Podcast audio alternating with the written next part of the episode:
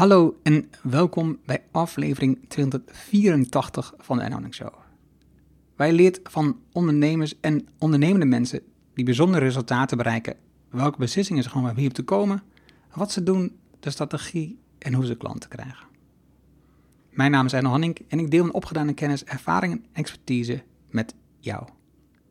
Ik coach ondernemers zodat ze stap voor stap de juiste beslissing nemen om uiteindelijk een gezonde groeimotor te creëren zodat de onderneming vanzelf loopt. Hiervoor gebruik ik mijn ervaring met meer dan duizend klanten die met exact dezelfde uitdagingen zitten. Vandaag het gesprek met Pieter van Os. Pieter gelooft dat ondernemers de vonken van verandering kunnen zijn voor een betere wereld. Tenminste, als die ondernemers ambitieus en gedisciplineerd genoeg zijn om hun bedrijf te laten groeien tot het volle potentieel. Vandaag 818 bedrijven bediend, is Pieter op weg naar 2025 bedrijven in 2025. Dit is de derde keer dat ik Pieter in gesprek ga voor de podcast. Dit keer hebben we het over Rijnlands ondernemen. Wat betekent dit en wat is het verschil met Anglo-Saxisch? Pieter werkt aan een boek met een model om Rijnlands ondernemen praktisch in te voeren. En in de aanloop naar dat boek was ik nieuwsgierig naar zijn inzicht op dat onderwerp. Het is een onderwerp waar ik me ook mee bezig hou de afgelopen weken. Veel plezier met de inzichten van Pieter. Laten we beginnen. Welkom in de Erno Hamming Show. De podcast waarin je leert over de beslissingen om te groeien als ondernemer met je bedrijf. Luister naar de persoonlijke verhalen van succesvolle ondernemers en ondernemende mensen. Dan nu jouw business coach Erno Hamming.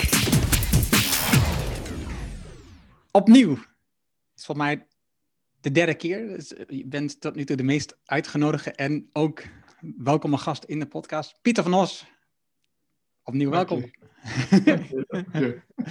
en dat komt natuurlijk omdat we ja, op heel veel fronten denken we gelijk en hebben veel. We hebben ook een soortzelfde drijfveer om bedrijven op, op impact uh, te helpen we hebben hetzelfde gedacht op veel dingen. En dat zie je in, ons, of, in de artikelen die we schrijven, onafhankelijk van elkaar. Dus ik lees je artikel niet eens en toch zeg jij, ja, vaak schrijf je dezelfde dingen. Of dingen die ik had kunnen schrijven. en dat is heel grappig. Uh, um, de eerste aflevering die je had was in twee, is, uh, was 169. Dat ging over profit and purpose. En daarna was het 203 over je boek Betekenisformule. En uh, toen een paar weken... Ja, dus dit, dit gaat over Rijnlands denken. Ja, Rijnlands ondernemen. Waar, oh, welk nummer is het? Um, waar zitten we in het nummer? Dat is een goede vraag, dat kan ik zien hoor. Uh, 100, uh, 100, 100, 100, 180, 100, uh, 83 wordt dit. 183. Okay. Of uh, 200, 283, sorry hoor. 283 wordt dit. Het zou raar zijn, 203 en dan 183. 283. Ja, en, um, en waarom deze aflevering? En, en dat kwam omdat jij, toen we een tijd geleden spraken, had jij het over een boek wat jij wilt gaan schrijven over Rijnlands uh, denken, over Rijnlands ondernemen. En, um, en, toen was je dan nog heel in de beginperiode. En ik dacht, oh, weet je wat misschien een goed idee is? Dat we gewoon een podcast opnemen, zodat we die ideeën kunnen vormgeven. En ondertussen ben je al begonnen aan het schrijven een boek met een aantal andere mensen. Dus dat, is, dat, dat loopt helemaal op lijn. Dat komt helemaal goed. Mooi. En waarom vind ik dit nu een interessant onderwerp? Uh, ik ben al een tijd bezig met, met onderzoeken en kijken hoe kun je als ondernemer je bedrijf anders vormgeven dat je niet alleen bezig bent met um, na te denken over winst en winst onttrekken als aandeelhouder, of aandeelhouders als het bedrijf groter is. Um, maar nadenkt over wat is nou de impact van wat je doet op alle betrokkenen, stakeholders in het Engels. Dus, en, dat, en dat raakt mij enorm, dat onderwerp. Ik, ik, merk dat ik er echt heel veel mee bezig ben de laatste tijd en echt onderzoekend ben op dat onderwerp. Dus, um, en het is eigenlijk, het Rijnlands model is al heel oud. En dus nou, het leek mij goed om met jou erover te praten, om na te denken en on, on, onderzoeken, hoe zie jij dat? Dus um, doe eens een aftrap en schets eens een beeld. Wat is het verschil tussen Rijlands en Anglo-Saxisch? Nou, voordat ik dat doe, eh, ja. ik, vind ik het fijn om, om het perspectief neer te zetten. En dat komt ook door jouw introductie over dat dit de derde podcast is. Want ik realiseer me dus dat er ehm, ook nog een podcast voor had kunnen zitten, namelijk over scaling up. Waarom bedrijven zouden moeten opschalen, groeien, groeien, groeien. En ehm, daar heb ik veel bedrijven uh, mee gezien. En uh, kwam tot, op een gegeven moment tot eenzelfde soort conclusie. Van het gaat niet alleen over winst, maar het gaat over, ook over impact. Dat heeft geleid tot de eerste podcast en, en dat boek, de tweede podcast. En in dat denken ben ik nu verder. Um, dat, en dat komt. Um, de aanleiding daarvoor is dat, dat ik zie dat in de wereld er gewoon heel veel uh, dingen anders lopen dan wat ik zou willen. Dus uh, de, de groei, ja, ik zeg het heel voorzichtig. Uh, maar de groei, die, de, de, de groei van bedrijven heeft wel zijn grenzen bereikt. Dus toen ben ik op zoek gegaan naar van hoe, hoe kan dat dan? Dus ja, wacht, is wacht even, nu, nu je dit zegt, heb ik even een verdiepingsvraag. Want je zegt de groei van bedrijven heeft zijn grenzen bereikt. Leg dat eens uit.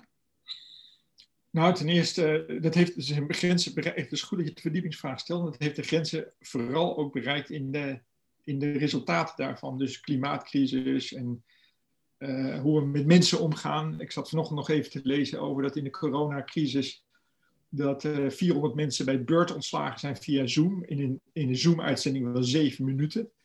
Nou, dat is, niet, dat is niet waar de wereld beter van wordt.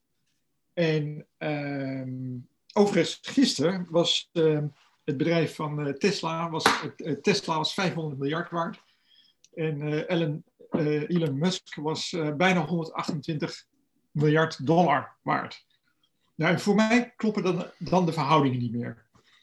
En ehm, dus toen ben ik op zoek gegaan, uh, al een tijd geleden, ook in het, in het kader voor het onderzoek van, voor, mijn, voor het boek, van waar, wat is er dan, wat, wat klopt er wel, wat klopt er niet?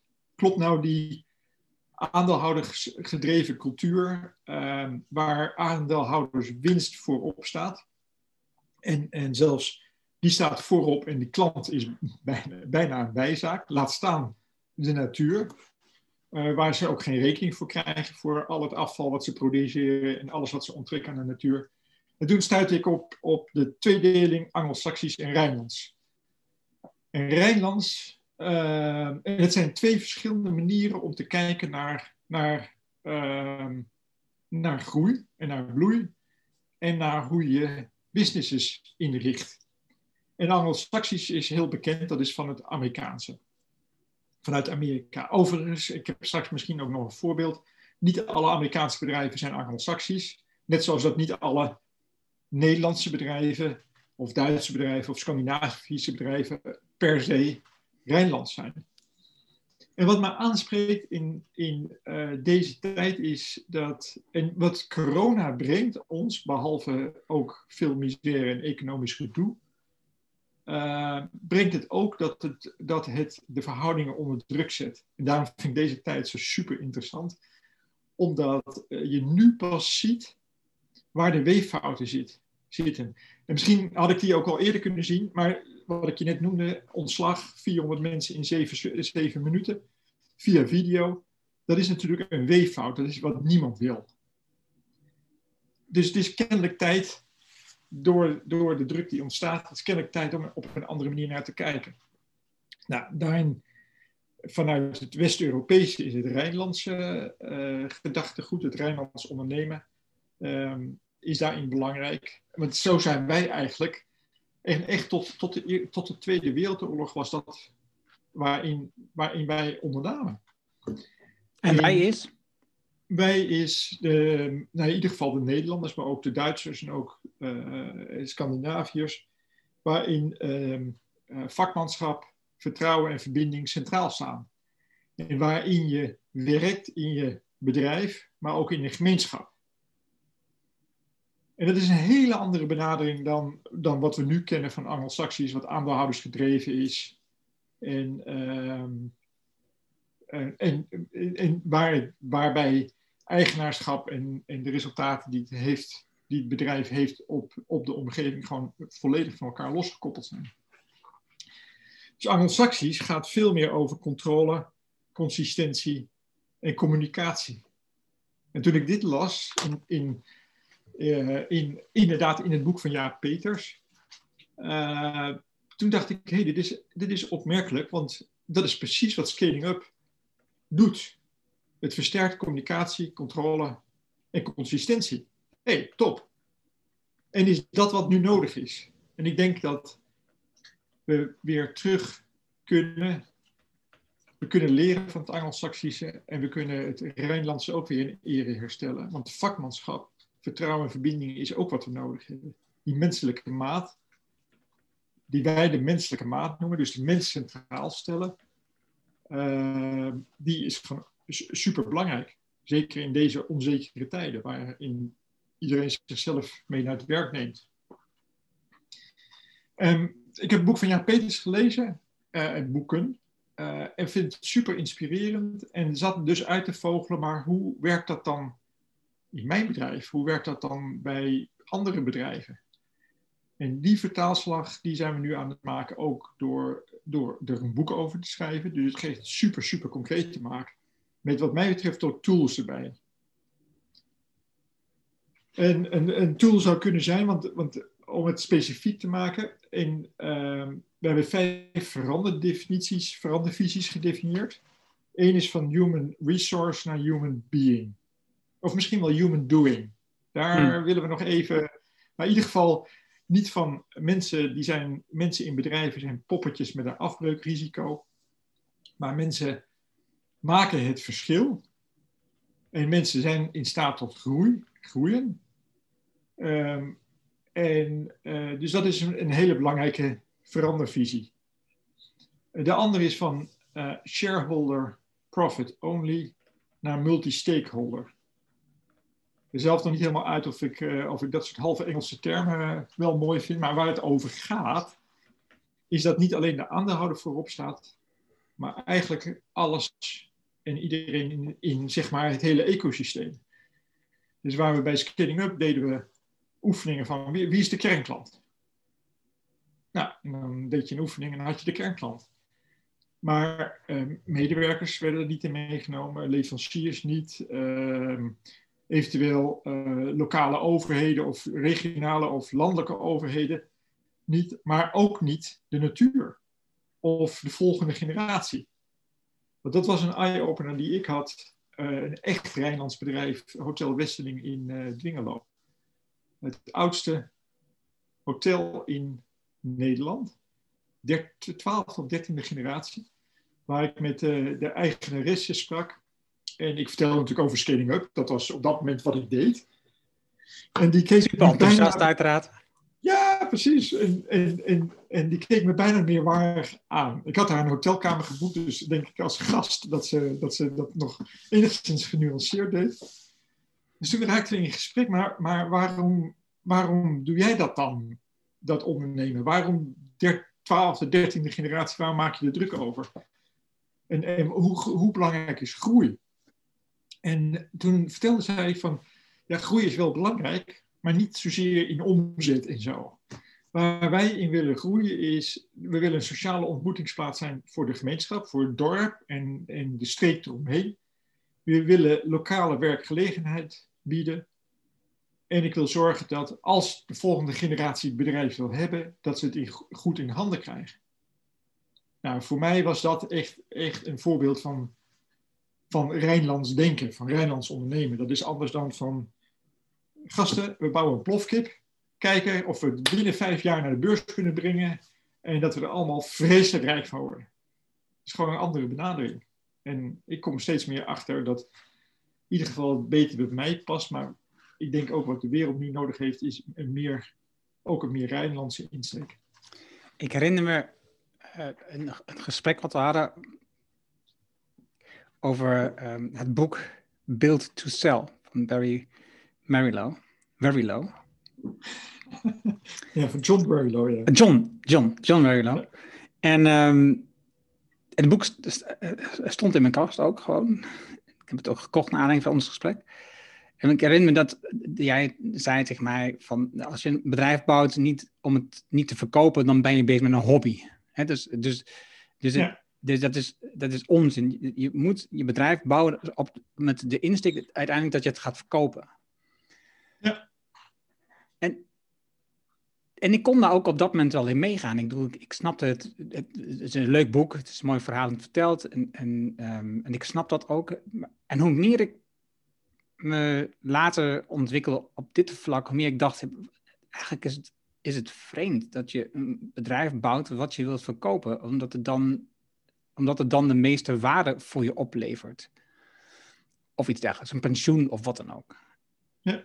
En nu denk ik echt gewoon, volgens mij bouw je een bedrijf, net wat je zegt, zoals, die, zoals uh, dat hotel niet alleen voor jezelf, maar ook voor de omgeving, voor de mensen die hier werken, voor uh, de impact die je op anderen hebt. Het is, het is veel breder dan, dan dat. Ja. Waarbij ik nog steeds op de lijn zit om een bedrijf te bouwen om te verkopen. Want? Nou, dat zal ik vertellen, omdat ik heb gemerkt op het moment dat, dat ik een bedrijf bouw om te verkopen, dat ik toch een betere beslissingen neem. Waar zijn je beslissingen beter in? Uh, bijvoorbeeld door te weten van ik wil het aan zo en zo soort bedrijf kopen. Dus ik ga extra investeren in, in uh, klantrelaties of in product of in het opbouwen van een, van een netwerk van freelancers, wat er nodig is. Plus, uh, het geeft mij een ander perspectief, namelijk dat ik niet het bedrijf ben en het klinkt heel logisch, maar eigenlijk het bedrijf heeft ook wat nodig. Wat heeft het bedrijf nodig? Nou, die heeft in het begin afhankelijkheid van mij nodig, maar later uh, een heel ander soort soortige rol. Dus ik zit nog steeds op het model van een bedrijf bouwen om te verkopen, maar niet noodzakelijkerwijs om te verkopen. Dus ik weet aan wie we het gaan verkopen, maar of we het ooit gaan verkopen, geen idee. Snap je de rare dilemma? Dat is een bijzonder dilemma. Waarin ik dus op dit moment juist onderzoek doe naar en zoek naar voorbeelden en ook vind van bedrijven die het eigenaarschap van de ondernemer, van de oprichter hebben overgedragen aan een stichting of aan het bedrijf zelf of aan de medewerkers. Um, wat voor mij een veel logischer geheel is, omdat dan je gelijk hebt, je gelijk kunt regelen um, hoe het zit met het onttrekken van winst uit je bedrijf. Ja. En ik, zat, uh, uh, ik heb ook vandaag een artikel gepubliceerd, die, die kun je terugvinden over um, uh, goed doen in plaats van gierig zijn, dus de Nederlandse vertaling. En het is van Arte, dat is een Duitse um, zender, tv-zender. En zij hebben een documentaire gemaakt over een aantal Duitse bedrijven die dit anders hebben geregeld, waaronder Ecosia, de zoekmachine. Maar ook bedrijf um, Elo, Bouw, Elo. Dat is een elektronica fabrikant, die maakt allerlei elektronische producten, wereldwijd. En die uh, eigenaar, die oprichter, die heeft, nee niet oprichter, die eigenaar heeft het bedrijf van zijn vader overgenomen. En uh, realiseert zich op een bepaald moment dat het eigenlijk vreemd is dat hij als eigenaar, toevallig eigenaar, um, alle winst krijgt van het bedrijf, terwijl iedereen in het bedrijf meewerkt om die winst te realiseren niet hij als enige uh, uh, de beste keuzes maakt of wat dan ook. En heeft het dus een bepaald moment in gang gezet dat hij dus het bedrijf heeft overgedragen aan een stichting. Dat traject heeft hem zes jaar gekost, omdat het heel ingewikkeld bleek te zijn achteraf gezien. Veel ingewikkelder dan hij had gehoopt. En heeft hem ook een miljoen euro gekost om het allemaal georganiseerd te krijgen. En dus daar zoek ik ergens naar de weg. Um, en, en ergens heb ik het gevoel dat dat enorm aansluit bij het Rijnlands denken. Dat je nadenkt over um, uh, wat, wat doen we met ons bedrijf? Wat betekent dat voor de omgeving van het bedrijf? Wat betekent dat voor de medewerkers? Wat betekent dat voor um, de overheid, de, lokaal, al die dingen? Maar ja. ook wat, wat, betekent dat voor de winst? Wat betekent het wat we met de winst doen? En ik heb een, een gesprek gehad met uh, Melanie Riebeck, die heeft het bedrijf uh, Radically ja. Open Security in Amsterdam.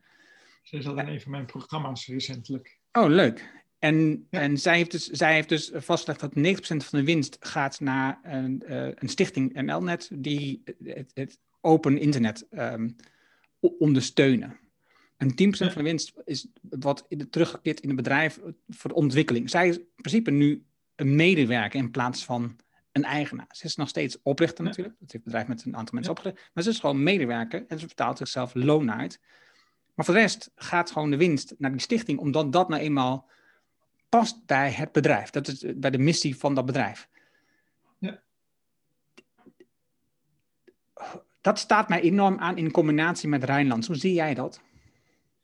Nou, je maakt één gedachte uh, sprong die ik zelf nog niet had gemaakt. Namelijk mijn pleidooi van ik bouw een bedrijf om te verkopen. was niet vanwege de winst. En ook niet vanwege de vermogenstoename na de transactie. Maar vanuit de filosofie dat het bedrijf een, een afzonderlijke entiteit is.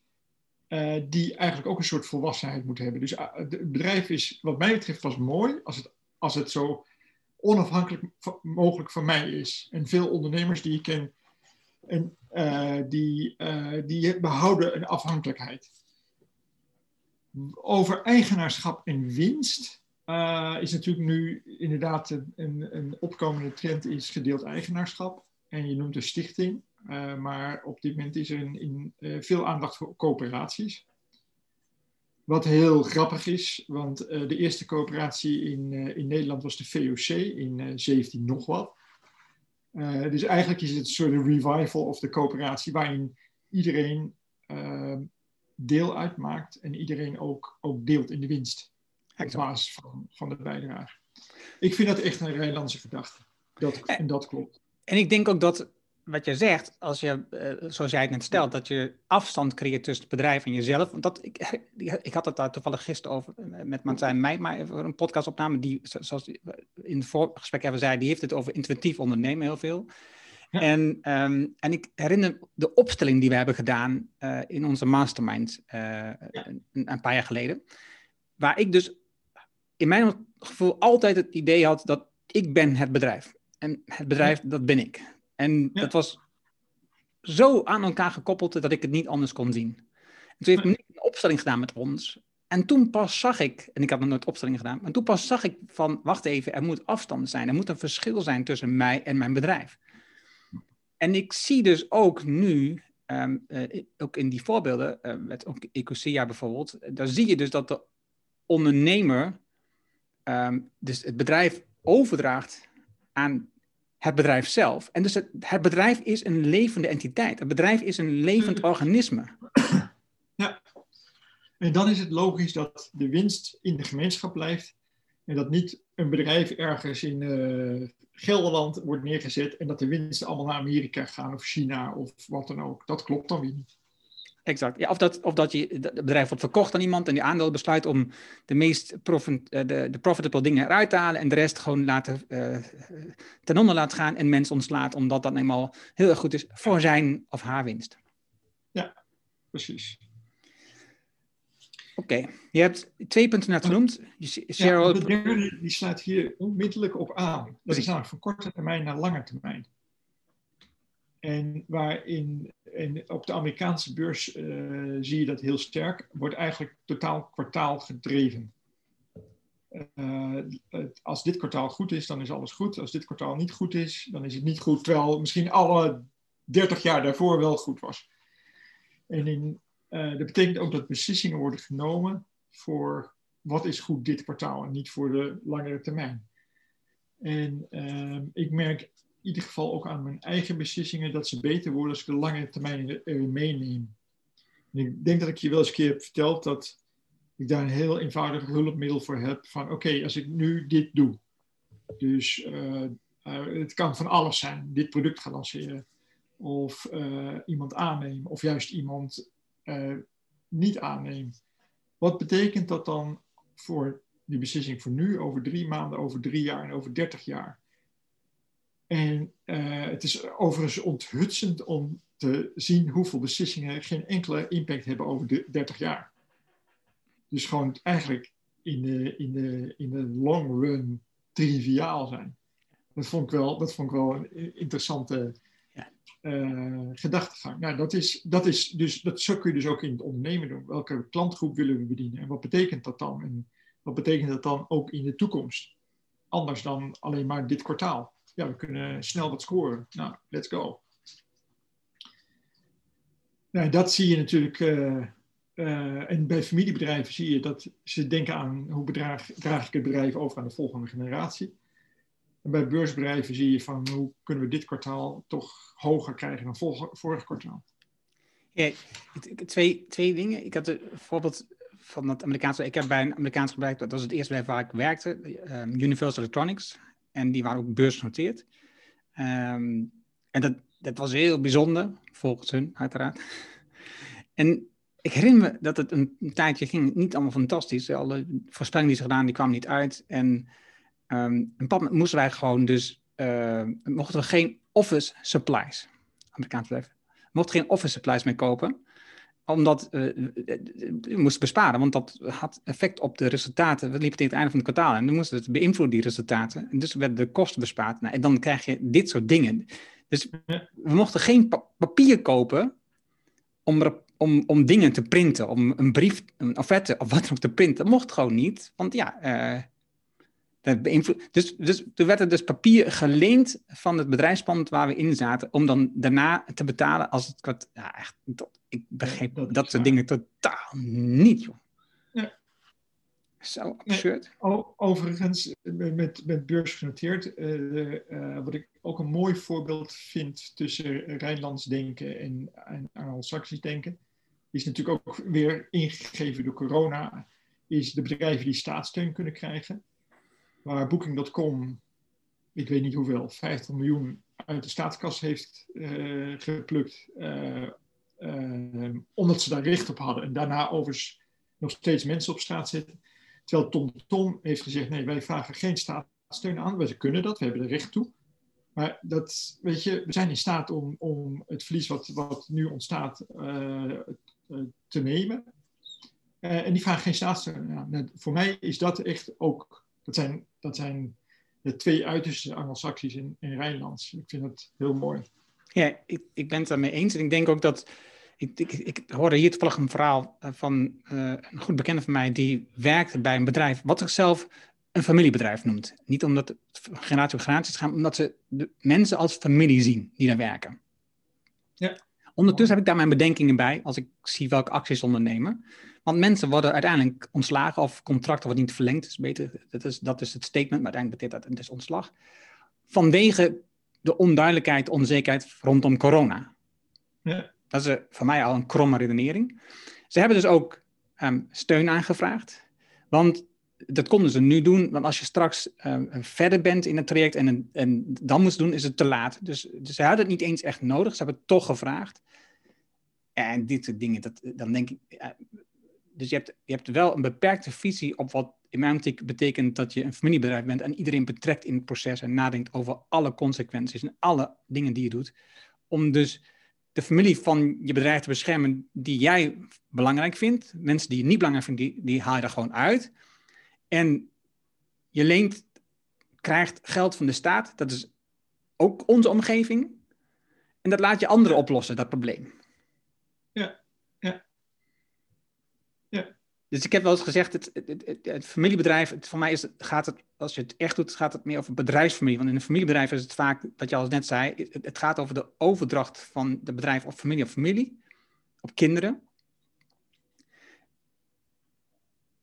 Waarbij niet altijd de familie geschikt is voor die job.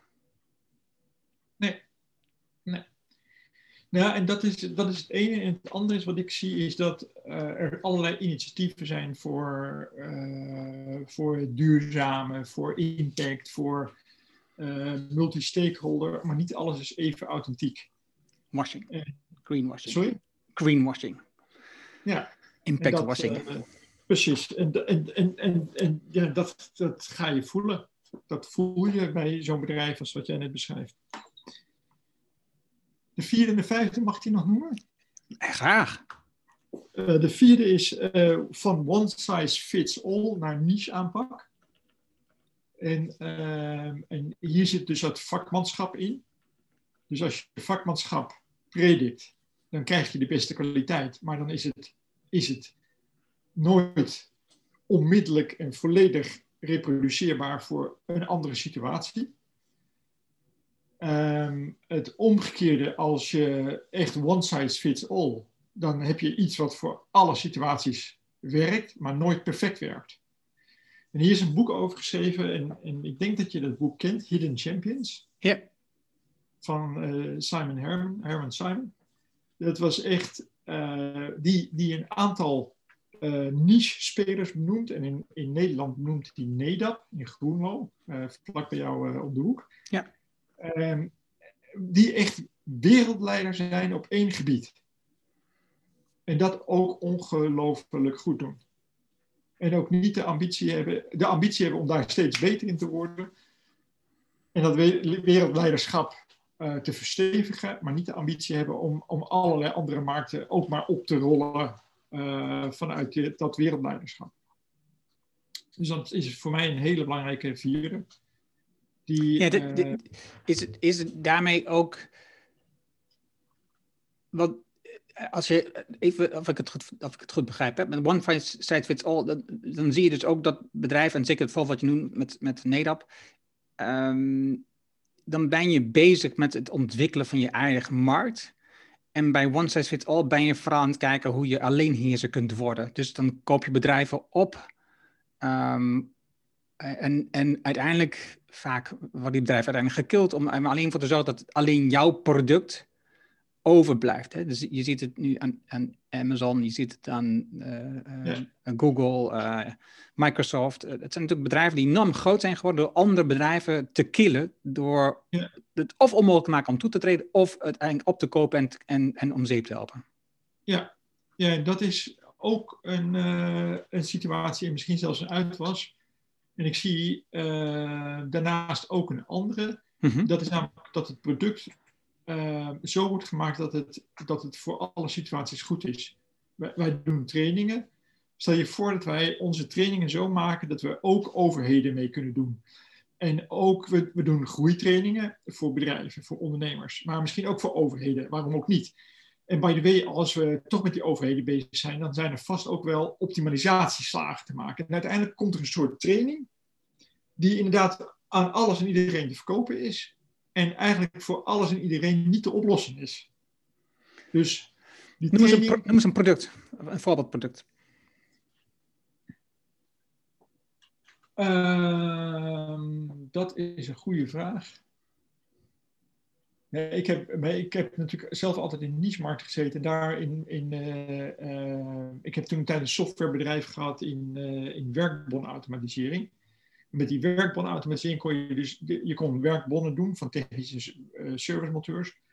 Maar je kon ook orderbonnen doen voor sales, voor vertegenwoordigers. Sorbo, ook in de Achterhoek, was een, was een klant van ons. En je kon ook meteropnames doen voor energiebedrijven. En uiteindelijk stond er een product wat eigenlijk voor niemand goed werkte. Dus hadden een schitterende brochure alles voor iedereen. En er stond iets wat theoretisch en nou, praktisch ook alles voor iedereen was. En niemand had een hogere tevredenheid dan een zeventje, want het, het paste. Ik denk dat, je, dat, ik denk dat dat voor convectie ook geldt. Ik, ik zit, zit te denken, uh, ik uh, vergelijk Microsoft Office. Ja, nou, dat is ook een mooi voorbeeld. Base van een pakket en daartegenover Basecamp. Ja die juist ja. ervoor kiezen om op een hele specifieke markt zich te richten en heel bewust om te gaan met die mensen, met die klanten, allemaal heel specifiek te benaderen. Ja, um, het, ja dat, ik zit nu te bedenken, dat zijn voor mij mooie voorbeelden. Oké, okay, nummer vijf. En dat is een mooi voorbeeld. En voor Microsoft, dus Office of Word, werkt voor niemand echt goed. Iedereen loopt er klaar. Dit is, is zo'n groot dramapakket. Dat, dat is zo groot dat je niks meer kunt vinden. Mensen niet snappen hoe. Als je dus een leek dit doet, je moet echt een expert zijn. Maar als je een leek dit geeft, is het niet eenvoudig om gewoon even een brief te typen. Oké, okay, nummer vijf. En nummer vijf, en die is natuurlijk nodig om dit allemaal uh, gedaan te krijgen, is van ego-leiderschap naar empathisch leiderschap. En ego-leiderschap is van, uh, en dat zie je, dat hoor je ook, hoor ik vaak in taal ja, we moeten de, moeten de concurrenten, we crush the competitor. Uh, we willen dit, dit, dit, deze markt willen we echt veroveren. Nou, die hebben dan ook oorlogstaal. En, ehm, en dat is meer naar empathisch, dus ook wat de, wat de ander nodig heeft. Of wat de markt nodig heeft, wat de klant nodig heeft. Um, en, ehm, en dat is dus niet alleen maar je continu verplaatsen in de schoenen van anderen, maar ook echt die wisseling kunnen maken. Oké, nou sta ik even in jouw schoenen. Nu sta ik in mijn schoenen, want ik heb natuurlijk ook wat nodig en ik, ik moet ook dit bereiken. In plaats van ego, het gaat om ons. En dat zie ik heel vaak in taal. Ja. Uh, in, in, allerlei uitingen. En als je daar, daar verder in verdiept, dan zie je het ook in symbolen, in vlaggen. In, het is heel grappig om te zien hoe, hoe consistent dat is. Noem eens een voorbeeld van een, van een symbool wat je gezien hebt. Uh, nou, ik zag een, uh, een busje van, uh, van, een, van een loodgietersbedrijf rijden en er stond een hele grote adelaar op. Een beetje een soort Duitse adelaar, maar dan ook nog in een soort duikhouding. Nou, die, ik, ik heb de, de ondernemer nog niet gebeld, maar ik zou niet, het zou mij niet verbazen als hij niet empathisch is net bijvoorbeeld, ik heb, net, ik heb eerst genoemd, dat is Ecosia, de zoekmachine, dat is een, een, alternatief voor Google. En zij hebben in principe natuurlijk meerdere um, belangen die ze vertegenwoordigen, maar in ieder geval twee hele belangrijke. Degene die zoekt, die moet natuurlijk de juiste informatie, dus het product moet goed zijn. Als je, als je de zoekmachine gebruikt, moet je een goede zoekresultaat krijgen. Dat is super belangrijk. Maar wat ze willen bereiken is dat als mensen zoeken, dat uiteindelijk met die zoekopdrachten, uh, met advertenties, inkopen en dingetjes, uh, verdienen ze geld. Maar met de winst die ze maken, die investeren ze in het planten van bomen, het laten groeien van het regenwoud opnieuw. En het mooie wat je dan ziet in, in de uitingen, in taal en ook dus in het symbool, is dat het um, heel groen is. Um, maar je ziet dat als je een zoekopdracht doet, meerdere, dat je de teller van het aantal bomen wat geplant kan worden door jouw zoekopdrachten oploopt. Dus je ziet oh, dat je ook bij de, bij de, bij de klant, de zoeker, um, verbinding creëert met, met het groeien van het aantal bomen wat ze kunnen, kunnen planten. En ze hebben 100 miljoen bomen al gepasseerd. Ja, daar zie je dus uh, wat jij uh, empathisch leiderschap uh, benoemde. Ja, ja, een mooi voorbeeld. En dan zou mijn, ik ken het bedrijf niet, maar dan zul je waarschijnlijk ook aan het logo zien dat de, dat de kleuren wat zachter zijn dan, de, dan knalrood of... Het, is, of het, is, het is een boom, het is groen. Ja, ja precies. Zacht groen. Overigens wat je net zegt, vind ik ook een mooie. Een van de bedrijven met wie we werken is A Beautiful Story. Die uh, sieraden verkoopt. En die daarmee mensen in Nepal aan het werk helpt en houdt. En dan kun je zien als je van dat armbandje koopt, dan heb je 17 minuten werk verschaft in Nepal. Nou, dat, echt, dat maakt bijna hebberig van, oké, wacht even, kan ik er niet een half uur van maken? Misschien moet ik toch nog iets anders kopen. En voor mij zijn dat uh, gewoon super leuke, maar ook super praktische initiatieven. Die, die helpen met de bewustwording. En die bewustwording is weer belangrijk om, om dat hele grote vliegwiel in gang te krijgen. Dus uh, als je alleen maar Ecosia of alleen maar A Beautiful Story kijkt, dan, dan krijgen zij niet het hele grote vliegwiel in de gang. Maar al die kleine initiatieven leiden wel tot, tot bewustwording. Ja, het mooie vind ik dus ook, wat ik al een keer met je heb besproken, is het, hoe ingewikkeld ik het vind dat je uh, het meetbaar maakt wat je impact nu werkelijk is. Weet je, in het verleden hadden we het over dat omzet is een goed signaal om te laten zien wat je impact is. Maar dit zijn, dit zijn twee hele mooie voorbeelden waarbij je dus meetbaar maakt, onafhankelijk van omzet, wat je impact is, wat jij doet als klant met dat bedrijf. En wat, wat jij voor de klanten doet. Dus ik, ik, en, dus, en dus ook voor de omgeving doet. Dus ik vind het, ik vind het hele mooie voorbeelden. Ja. Maar bij omzet, even voor de, want purpose is prachtig, uh, maar profit ook. En profit ook. Want omzet is natuurlijk wel applaus van de klanten. En, en daarmee dus ook dat je wel waarde creëert voor uh, en ook en, en profit is ook randvoorwaardelijk voor purpose. Er zit een, een dynamisch evenwicht in. Uh, want als je alleen maar purpose doet, dan gaat het niet goed. Als je alleen maar profit doet, gaat het ook niet goed. Nou ja, wat ik net al zei, die voorbeelden van uh, um, Melanie Reback. zij doneert dus 90% van de winst. Dus niet van de omzet, van de winst. Ja. Ecosia doneert 90% van de winst. Dus dit, dit, kan, dit, dit principe werkt alleen maar als er winst wordt gemaakt. Mooi. Ga straks kijken bij Ecosia. Ik zag uh, een, een, een, voorbeeld over um, een stuk tekst. En dat ging over als je in Amerika wilt handelen um, volgens de drie P's. De drie P's People, Planet, Profit. Um, dan is dat, kan eigenlijk zo eigenaardig. Ik weet het niet, omdat dat las ik in een, in een artikel hierover.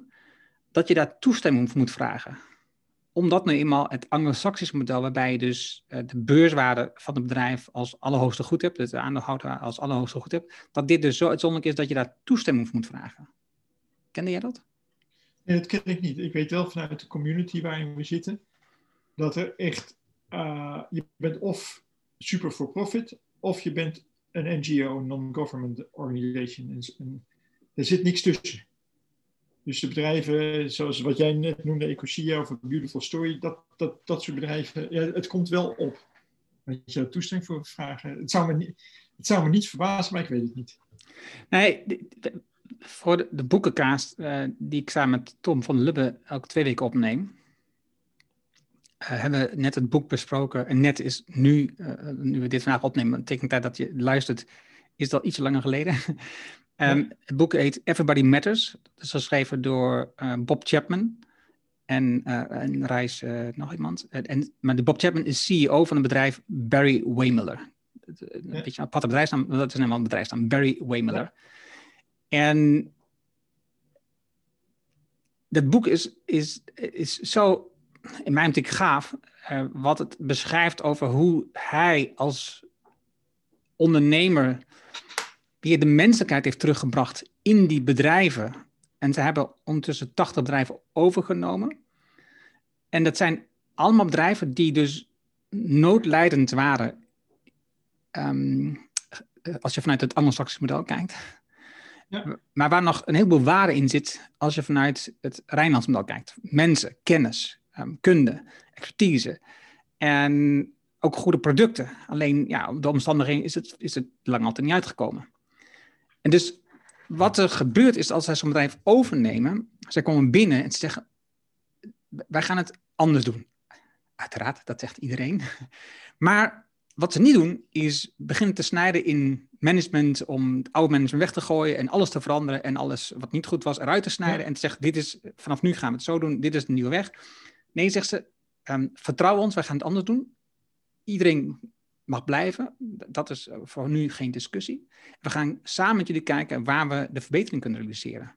En dus de mensen op de werkvloer die werk doen, die contacten met klanten, die alles weten, dus niet de managers boven in de toplaag, die worden betrokken bij het proces om te leren waar kunnen wij um, werkelijk de plus maken in het bedrijf, waar kunnen we de verbetering waar kunnen we, waar kunnen we winst maken, waar kunnen we sneller, beter, efficiënter werken, zodat het, zodat we, dat het de goede kant op gaat. Ja, dus het kan wel, ook in Amerika, denk ik dan, als je dit soort voorbeelden leest. Uh, ja, en dat kan ook zeker. Dat is denk ik ook een opkomende trend. Dat gezegd hebben, want uh, en ik zit even het boek van Frederick Laloux over Teal Organizations. Uh, en jij noemde straks uh, John Warrilow, uh, die wat mij betreft ook een Rijnlander is, als je het zo zou mogen kunnen zeggen. Want het is een Canadees die opgegroeid is in Frankrijk. Frederik Laloux is een Belg. Dus ik denk dat, dat daar in die, in, dat daar een soort kruisbestuiving kan ontstaan. Ik ken Bob Chapman niet, maar dit klinkt wel als echt Rijnlands. Van de mensen en de expertise, het vakmanschap laten zitten en het minder doen met uh, uh, en, niet uh, het management veranderen.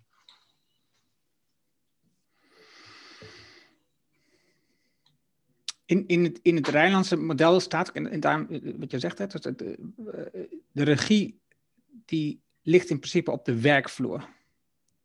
Je, je werkt contextgedreven, zoals um, ja, Peter beschrijft. Je, je, je werkt op basis van wat er zich voordoet bij jou als um, um, vakdeskundige.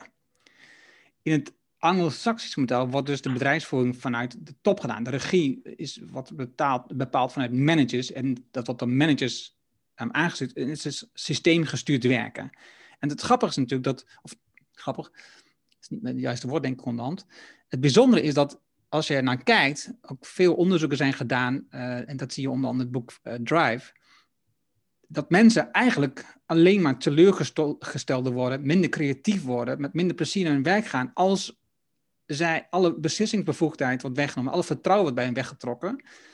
En terwijl als je ze de ruimte geeft, dan heb je dus mensen die met plezier in je bedrijf werken. En niet alleen dat, dus omdat ze met plezier in het bedrijf werken, werken ze ook met plezier voor de klant. En de klant merkt dat ook. Dus het is aan alle fronten wordt het voor je beter. In alle lagen zie je dat zo'n sterke managementstructuur slecht werkt, want de mensen krijgen ook steeds minder informatie van wat er werkelijk gaande is bij die klant, krijgen ze, krijgen ze binnen. Hoe hoger, hoe hoger de top wordt, hoe minder je, je leert van de werkelijkheid die de klant uh, ervaart. Ja, dat is toch raar dat nog steeds zo veel mensen hangen aan het feit dat je um, managers nodig hebt. Zo zijn we toch opgegroeid. Zo zijn, ik heb MBA gedaan. Dit heb ik geleerd op mijn MBA. Ja, ik ook. En uh, uh, dat het anders kan. En dat is wel waarom in, in West-Europa op dit moment de meeste initiatieven zijn voor zelfsturende organisaties, zoals buurtzorg. Dat dat een Nederlandse organisatie of een West-Europese organisatie is, is geen toeval. Um, en dat is weer vanuit vakmanschap. De, uh, de, uh, ik ken zelf in het Nederlands de nurses. De, de verplegers. verplegers ja. Verplegers, die, dat zijn de vakmensen. Die weten het beste wat, wat ze moeten doen als ze bij iemand zijn. En dat moet niet zijn van die handeling staat drie minuten. Oh, je doet er vier minuten over, je bent gewoon niet goed. Dat, ja. Zo werkt het niet.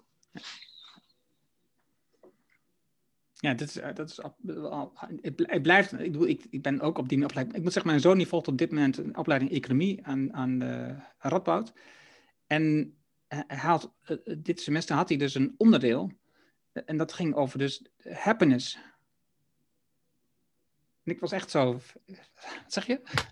Echt zo verbaasd dat dat nu dus een onderdeel is, blijkbaar in de economische opleiding. Dus ja.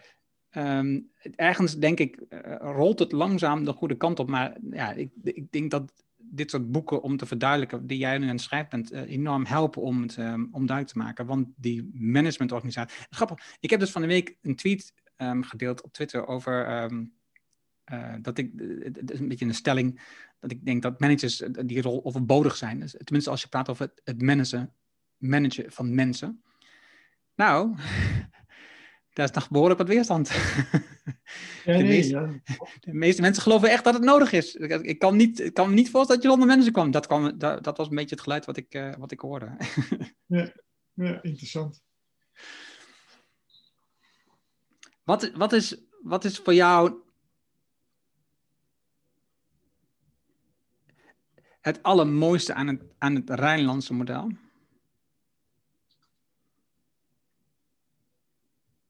Voor mij is het allermooiste aan het Rijnlandse model uh, dat uh, is uh, de verbinding en de verbinding met elkaar.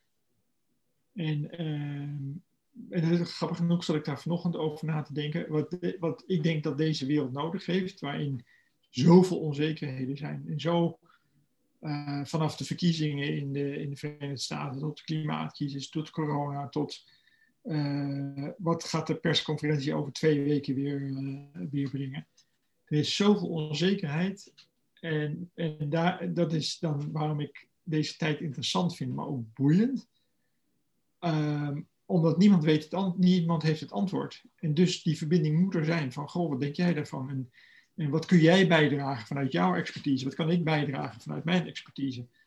Waarin er verbinding ontstaat in plaats van wat je veel ziet, profilering. Van ja, maar ik denk dat, ik denk dat jij het fout doet hoor. Dus, en, en op dat moment gaan we tegenover elkaar staan. En ik denk dat die verbinding nu nodig is. Ik denk zelfs dat die vanuit communicatie, en daarin zit van het heeft ook weer, kunnen we dingen uh, samenbrengen. Uh, want waar we nu voor staan, dat is alleen maar met ons allemaal oplosbaar. Dus niet, we hoeven niet naar een overheid te wijzen en te zeggen van nou weet je wat, die lost het wel even op. We hoeven niet naar een land te wijzen en die zegt eh, van die lost het wel even op. Want dat is het mooie, vind ik, het interessante en mooie ook van corona. het raakt iedereen, ieder land. Ja. De beurscrisis in 2008, uh, of de Lehman Brothers, uh, dat was natuurlijk toch meer, meer in het Westen. Uh, het westelijk deel is Amerika en, en, Europa. Maar dit is gewoon waar dan ook. Ja. Dus dit dan... is voor mij een signaal van, van we, moeten, we moeten het wel met z'n allen doen. En daarin de verbinding zit uh, in, het, in het Rijnlands.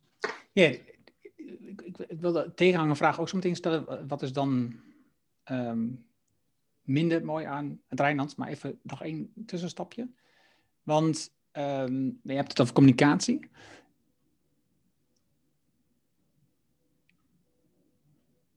Ik heb, al, ik heb gezien en ik, ik, denk, ik denk daar ook wat in te zien, is dat luisteren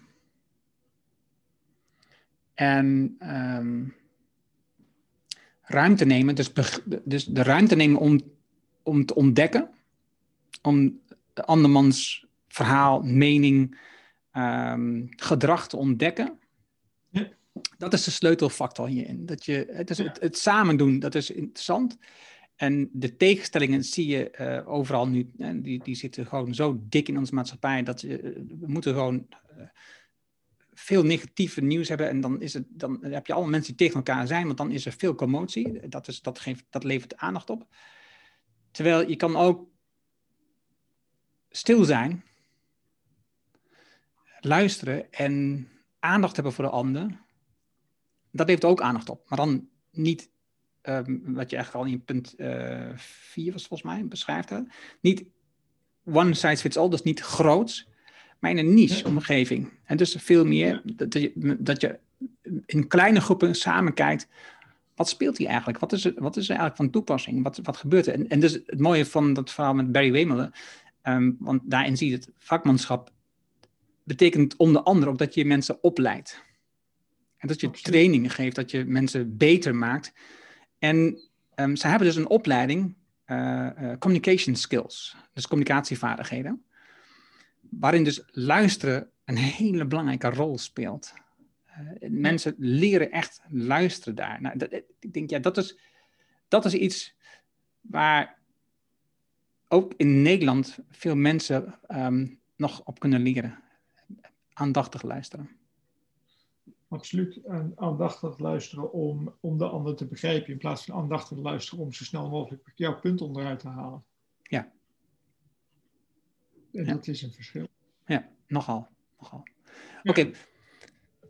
wat, is, wat is volgens jou een minder geschikt onderdeel van Rijnlands? Nou, verbinding en, uh, en ook vakmanschap uh, komt met, als je dat in het extreme doet, komt het ook met een, uh, met een, uh, een tegenbeweging. En dat is natuurlijk het polderen wat we in Nederland hebben iedereen en alles nemen we mee en iedereen mag er wat over zeggen. En uh, bijvoorbeeld het, het, laatste stukje A4 heeft 40 jaar geduurd of zo. Het ging dan over twee kilometer. Omdat dan weer dat was en dan weer dit. En het stikstofbesluit op dit moment is een mooi voorbeeld. En, dat schiet wel erg ver door.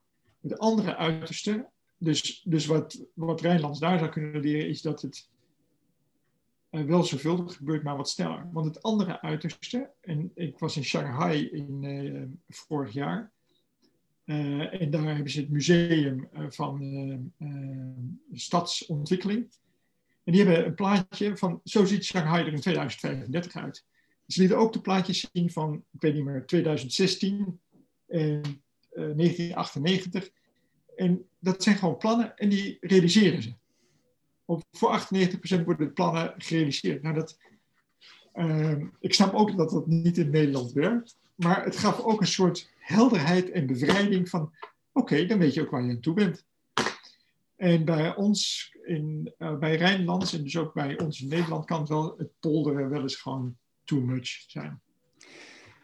Ik zit, ik zit te denken, uh, wat jij beschrijft, het, het, geeft een, een, een geruststelling, het geeft maar het geeft ook een energie. Absoluut. Absoluut. Het is soms heerlijk als iemand van boven, van boven zegt van en zo gaan we het doen. En, um, en polderen dat, dat ontneemt energie. Dus stel, je hebt een goed idee. Pak even een, je bent een medewerker in een bedrijf, je hebt een goed idee. Met dat idee ga je naar je manager, je baas, weet ik veel wat, leidinggevende, hoe je het ook noemt dat. En daar leg je het idee aan voor. Veel, gebeurde situaties, ik heb ze zelf meegemaakt, ik heb, ik heb ze ook zelf uh, gedaan, is dan dat de manager op dat moment zegt, ik vind het een gaaf idee, maar ik denk dat je nog dit en dit en dat en dat en zus en zo moet aanpassen, dan wordt het nog beter. Dan ga ik als medewerker, het is mij overkomen, terug naar mijn bureau. En ergens is op dat stuk weg, op dat gesprek en dat ik terug bureau, is de energie uit het project gelopen. Waarom? Het project is minder van mij geworden. Het project is nu deels van iemand anders. En dus energie die loopt er langzaam uit. Ja. En, en, en dus daar zie ik wel dat polderen ontneemt energie in besluitvorming. Nou, het, ik, absoluut. Het polderen als, uh, als uh, een teveel van, maar teveel van alles is altijd, uh, geeft altijd problemen. En dat geldt hier ook. Soms kunnen we te empathisch zijn. En dan wordt het polderen. En wat vind jij er dan van? En we houden ook met jou rekening. En dan werkt het ook niet. Ja. Soms moeten mensen ook en ondernemers ook gewoon opstaan en zeggen: en zo gaan we doen.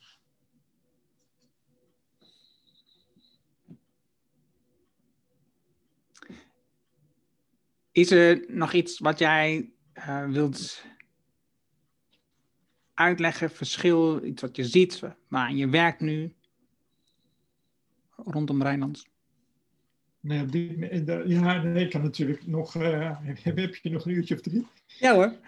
Uh, nee, dat is, weet je, ik ben nu echt bezig met het schrijven van een boek. Uh, dat leidt bij mij tot ten eerste tot interessante ontmoetingen en mooie voorbeelden.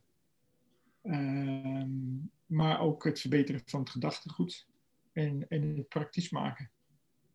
Dat is op dit moment de, de focus. En daarin, het is eigenlijk als, alsof ik een brug aan het bouwen ben terwijl ik er overheen loop. Ja. Dat eh, vind ik altijd heerlijk om te doen. Ja.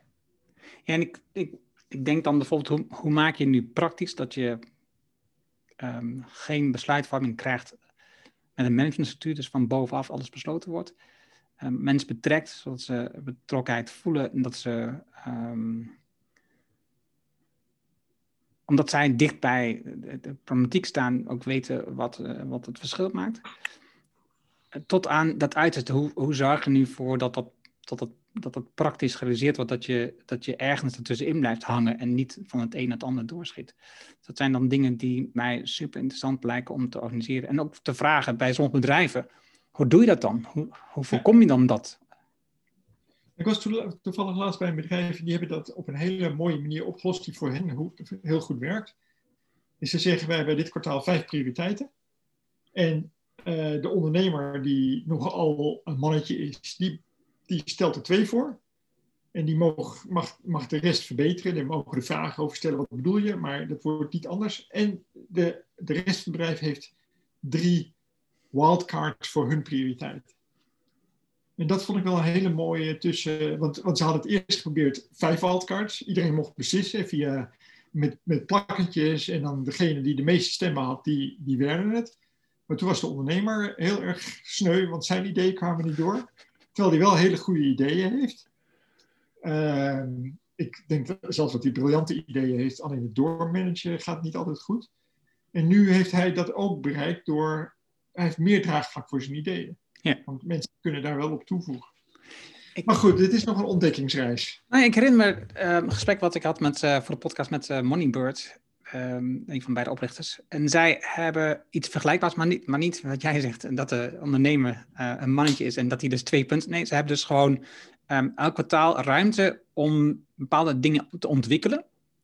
In de software, in de tools. Um, en dan wordt elk kwartaal gezamenlijk besloten welke twee dingen dat zijn. En dit, ja. Het, waren, het waren op dat moment twee, later werden het er drie. Het ligt aan hoeveel mensen ze beschikking hadden, hoeveel menskracht er beschikking was. Toen waren er meer mensen, konden dus naar drie uh, uh, onderwerpen, projecten. En ik herinner me ook het verhaal van, um, heet het? Uh, de, de Seven Day Weekend, hoe heet die?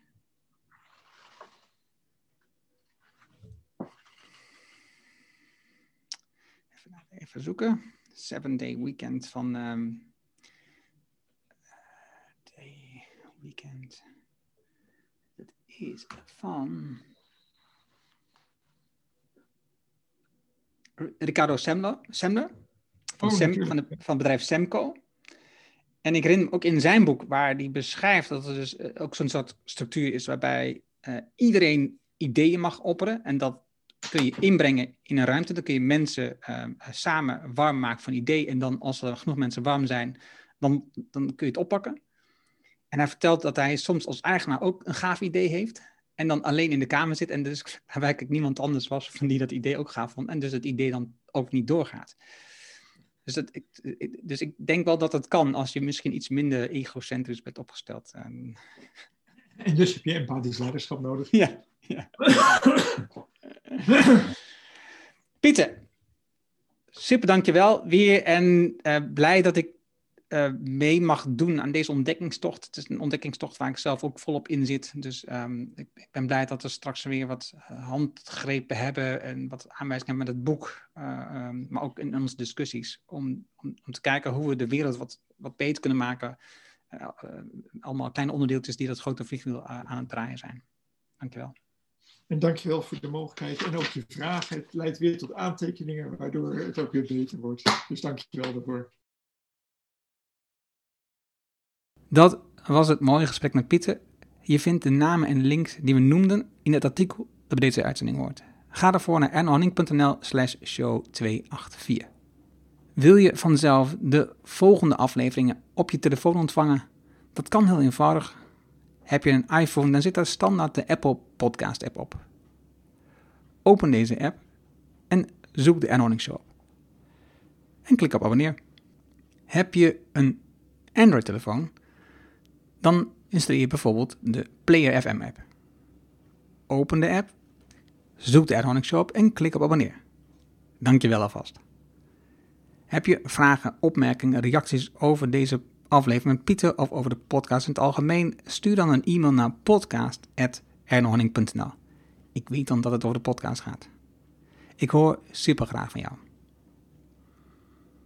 Wil je leren hoe je meer uit je team haalt door meer aan ze over te laten? Wil je leren welke hardnekkige gewoontes je tegenhouden om te groeien? En wil je weten wat het juiste moment is voor beslissingen? Vraag dan het boek Betere Beslissingen voor een Beter Team aan op ernohanning.nl. Dit is mijn nieuwste boek en je downloadt het helemaal gratis. Je hebt zelfs geen e-mailadres nodig. Er is nu ook een Kindle en EPUB versie. Wil je de papieren versie van het boek? Dat kan ook. Je betaalt alleen de verzendkosten. Mijn nieuwste boek is altijd gratis, vraag het daarom nu aan. Vraag jouw boek aan op erdohanning.nl en je leest het in één avond tijd. Dankjewel voor het luisteren en graag tot de volgende. Dankjewel voor het luisteren naar de Erno Hanning Show op ernohanning.nl.